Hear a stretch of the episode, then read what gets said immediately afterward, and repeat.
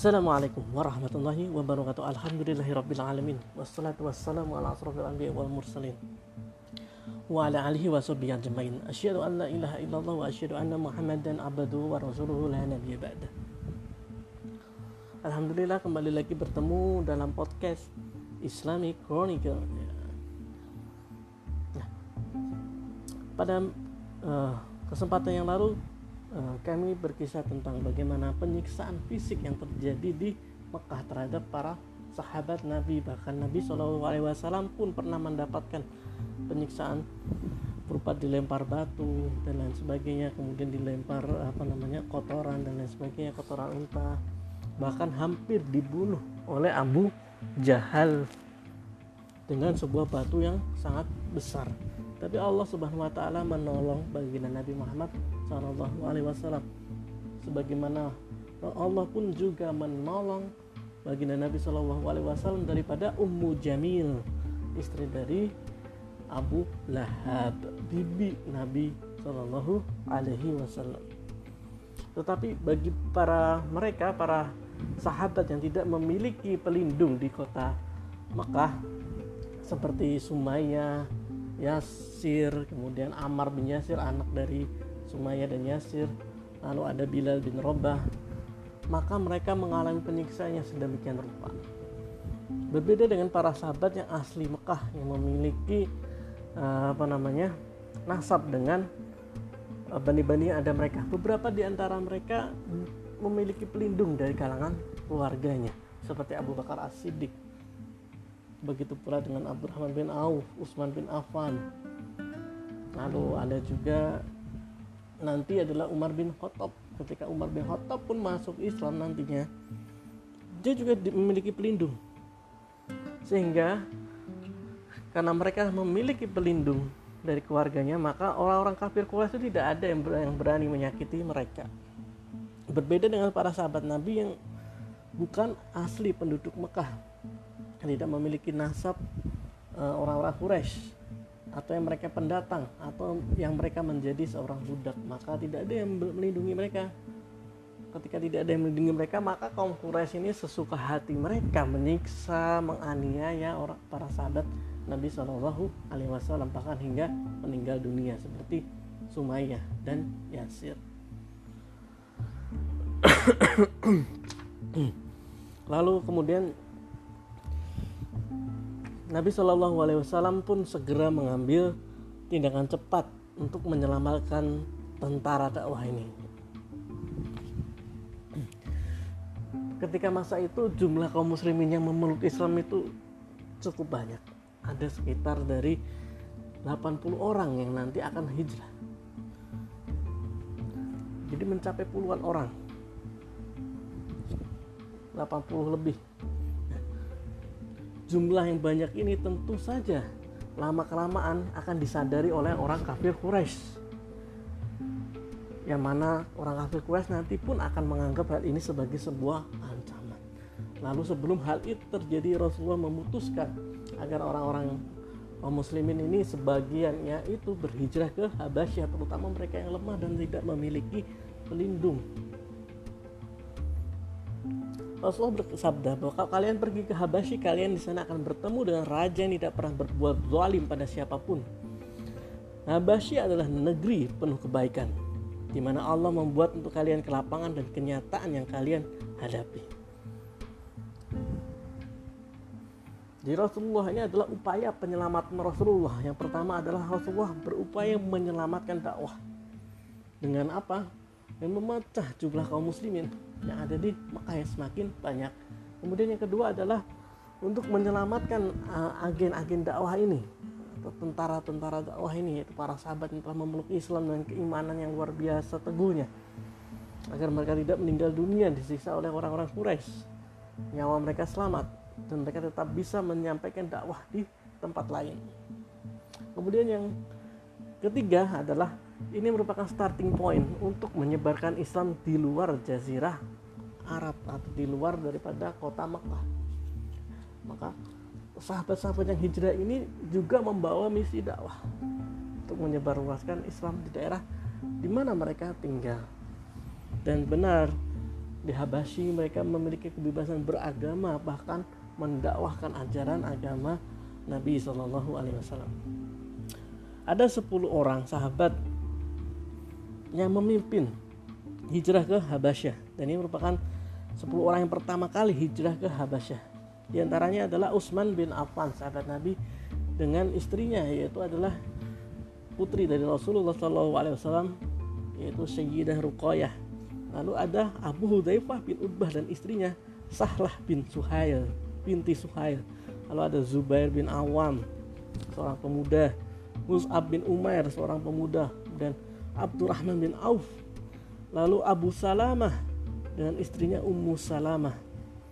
Lalu ada Utsman bin Mas'un, Amir bin Rabi'ah dan istrinya Laila bin Abi Hats. Lalu ada Abu Sabrah dan Suhail bin Baida. Mereka pun bersama beberapa orang hijrah ke Habasyah. Tetapi ternyata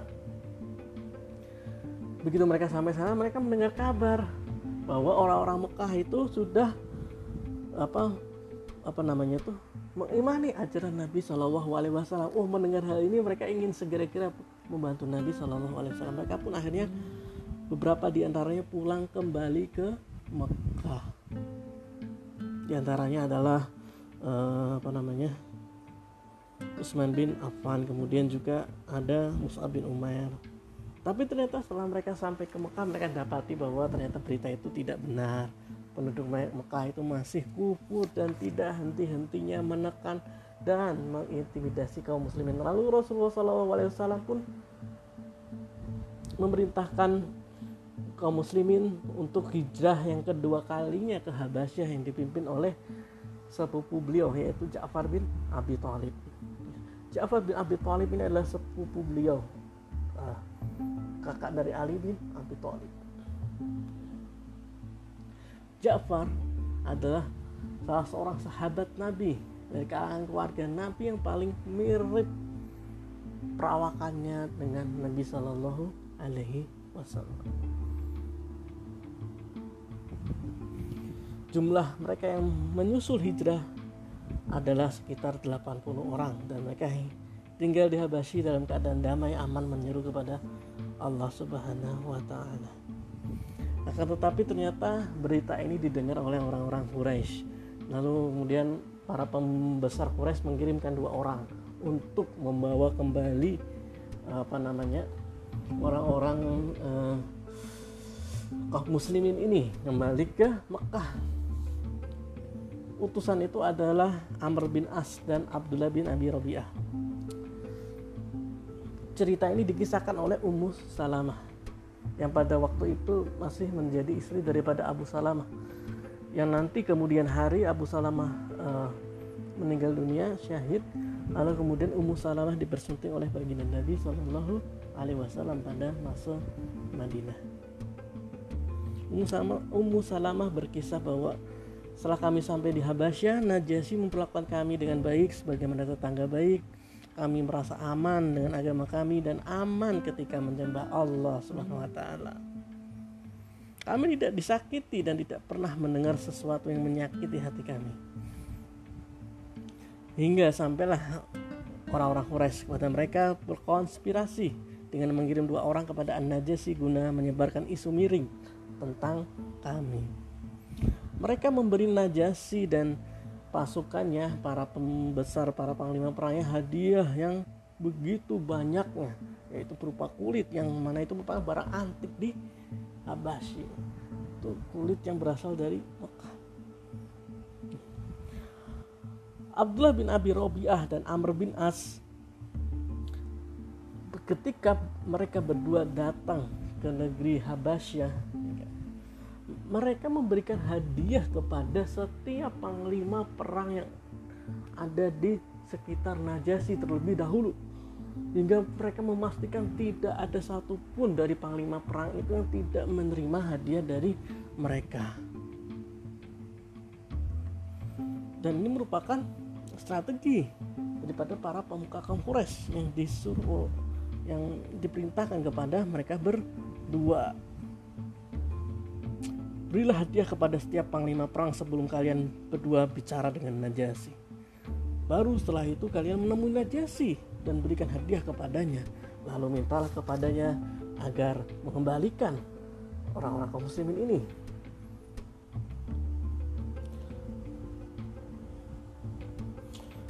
Lalu Amr dan Abdullah bin Abi Rabi'ah berkata kepada para panglima perang, "Sungguh di antara kami ada orang-orang bodoh yang mendapat suaka di negara Anda, kekuasaan Najasyi ini.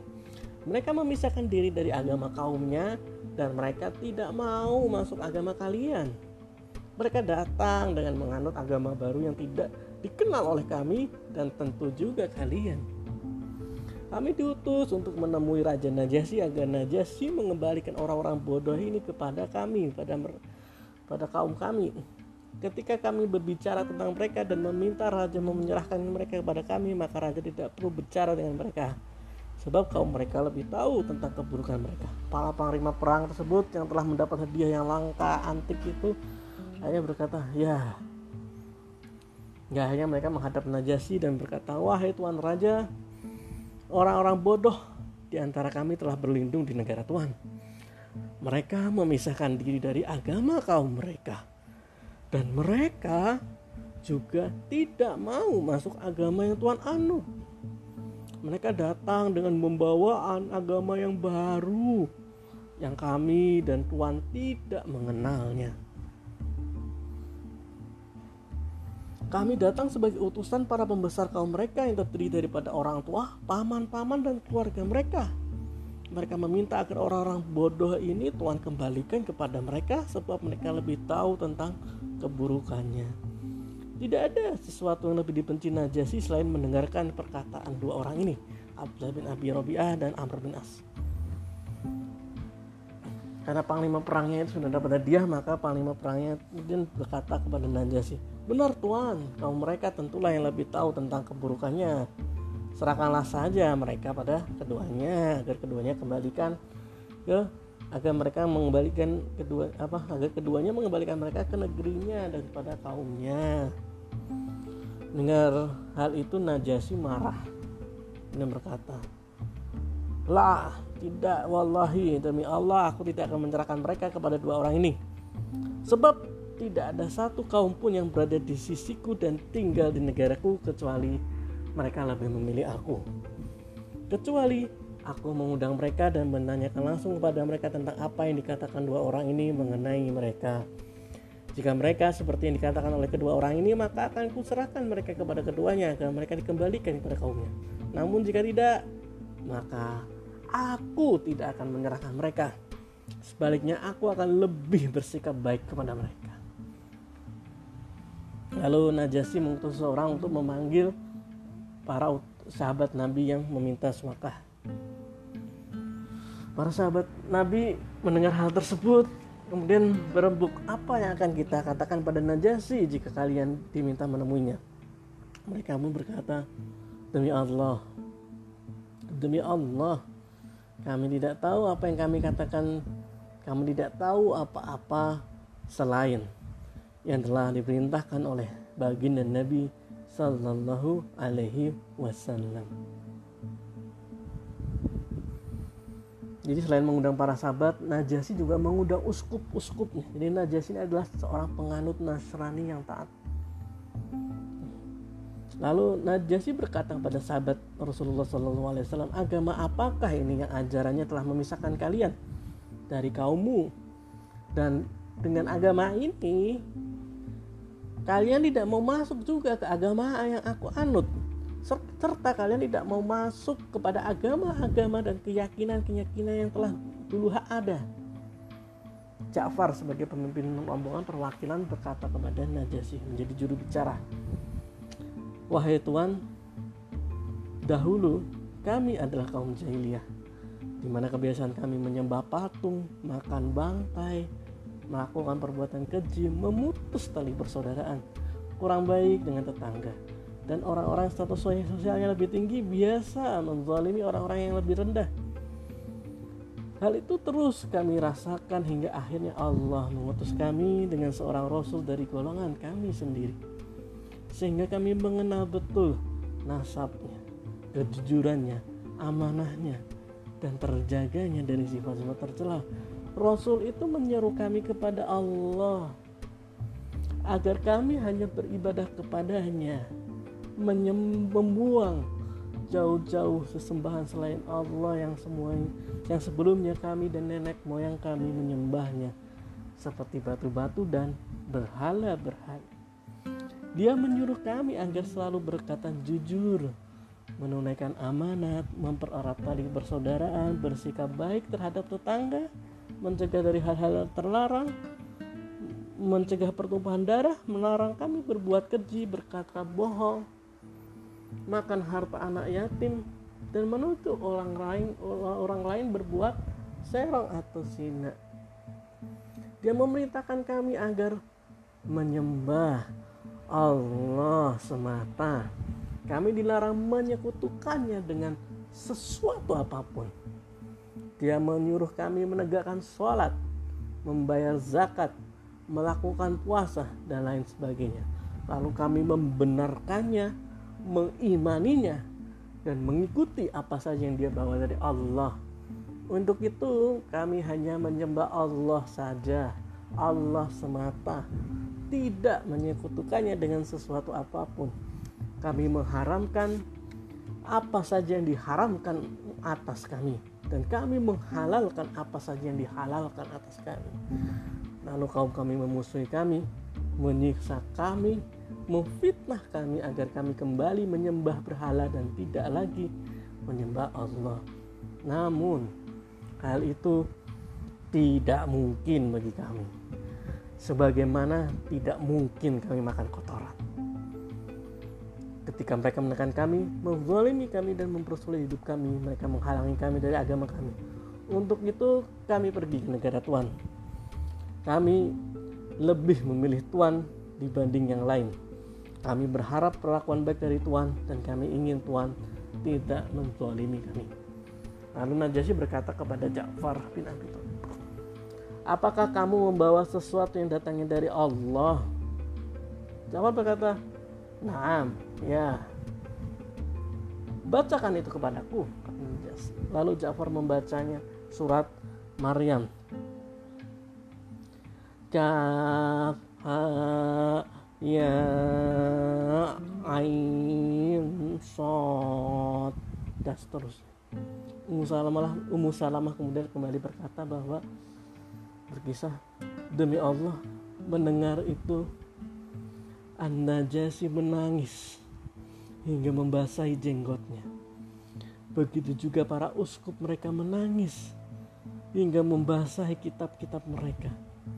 Ketika mereka mendengar ayat yang dibacakan kepada mereka, An-Najasi berkata kepada mereka, "Sungguh ini dan apa yang dibawa oleh Isa benar-benar berasal dari satu miskah atau lentera. Kalian berdua pergilah. Sebab demi Allah aku tidak akan menyerahkan mereka kepada kalian. Amr dan Abdullah pun pergi. Tapi keduanya tidak menyerah. Amr bin As berkata demi Allah besok aku mendatangi raja sih dengan sesuatu yang akan membuat mereka terusir. Lalu Abdullah berkata, jangan kamu lakukan. Ingat, mereka walaupun mereka menentang kita mereka masih keluarga kita Bisa berkata lagi demi Allah kami akan menyampaikan kepada Najasi bahwa mereka mengklaim sesungguhnya Isa bin Maryam adalah seorang hamba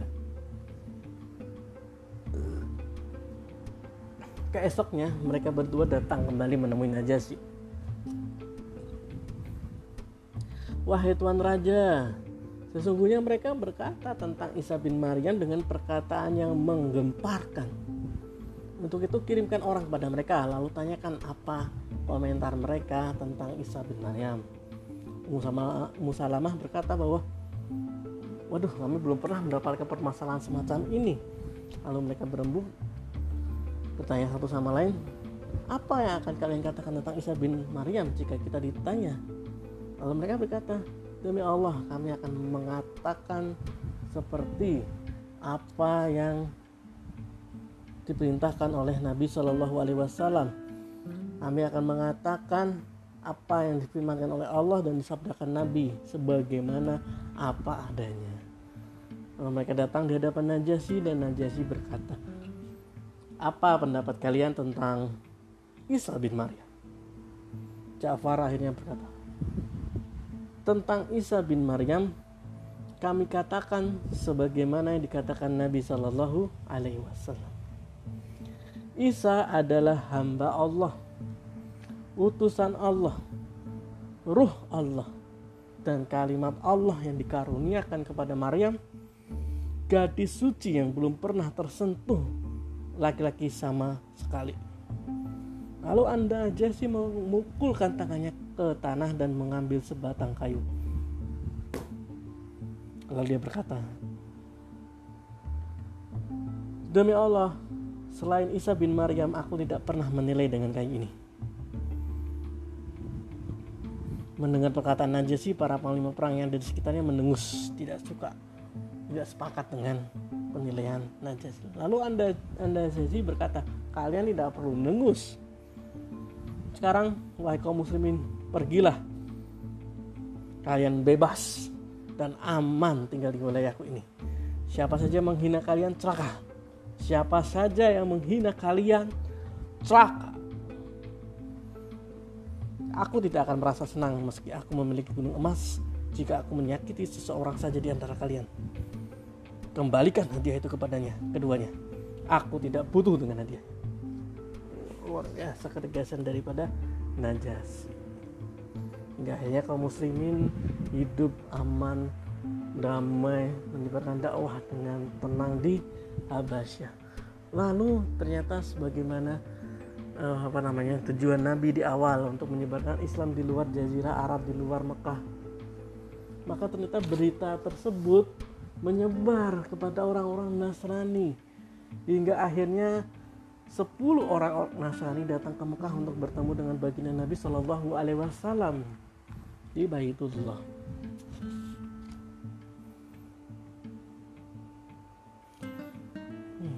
Kurang kurang lebih 20 orang Nasrani itu bertemu dengan Rasulullah kemudian menemui Rasulullah di masjid. Lalu kemudian mereka menanyakan apa saja yang mereka ingin tanyakan kepada Rasulullah SAW sedangkan kaum kafir Quraisy berada di sisi yang lainnya mendengarkan percakapan mereka. Lalu kemudian Rasulullah menyuruh mereka dan membacakan Al-Quran kepada mereka. Ketika mereka mendengar bacaan Al-Quran mereka menangis hingga air matanya mengalir. Lalu pun lalu mereka memenuhi seruan Nabi Shallallahu Alaihi Wasallam mengimani dan membenarkannya. Dari Rasulullah mereka mengetahui perkara yang juga mereka ketahui dalam kitab mereka. Mereka pun beriman kepada baginda Nabi Shallallahu Alaihi Wasallam dan kembali ke kaumnya.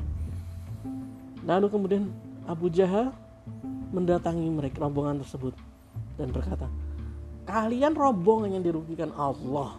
Kalian diutus oleh orang-orang ahli agama di antara kalian agar kalian pulang dengan membawa kabar tentang orang ini. Namun, setelah kalian puas dengan pertemuan kalian dengannya, kalian malah memisahkan diri dari agama kalian dan membenarkan apa yang dia katakan." kami belum pernah melihat rombongan yang lebih tolol dan idiot daripada kalian. Mereka pun berkata, semoga keselamatan atas kalian. Kami tidak bodoh sebagaimana kalian. Kalianlah yang bodoh. Kami memiliki apa yang dimilikinya sedang kalian tidak. Oleh karena itu darinya kami mendapatkan kebaikan untuk diri kami. Itulah yang terjadi bagaimana strategi Nabi Shallallahu Alaihi Wasallam melindungi kaum muslim yang lemah di antaranya kemudian juga memecah jumlah kaum muslimin agar tidak dianggap bahaya oleh uh, kaum kafir Quraisy dengan hijrah ke Habasyah. Selain itu juga Nabi ini merupakan starting point penyebaran agama Islam di luar Mekah di luar jazirah Arab dan ternyata uh, strategi Nabi ini berhasil. Rombongan kaum Nasrani menemui Nabi sekitar 20 orang dan beriman kepada Nabi lalu kembali kepada kaumnya. Dan Islam semakin tersebar. Berita-berita tentang adanya agama baru ini semakin menyebar di Jazirah Arab bahkan di luar Jazirah Arab tentang Nabi adalah seorang Nabi terakhir, Rasul terakhir. Apalagi ditambah dengan masuk Islamnya 20 orang Nasrani ini. Wallahu alam bisawab. Apabila ada kebenaran itu datangnya dari Allah Subhanahu wa taala, apabila ada kesalahan itu datangnya dari kami pribadi. Apabila ada saran, kritik, masukan, pesan bisa di menghubungi Instagram kami Islamic Chronicle atau di halaman Facebook kami Islamic Chronicle. Sekian terima kasih. Wassalamualaikum warahmatullahi wabarakatuh. Sejarah kita kebanggaan kita. Sejarah kita kebangkitan kita.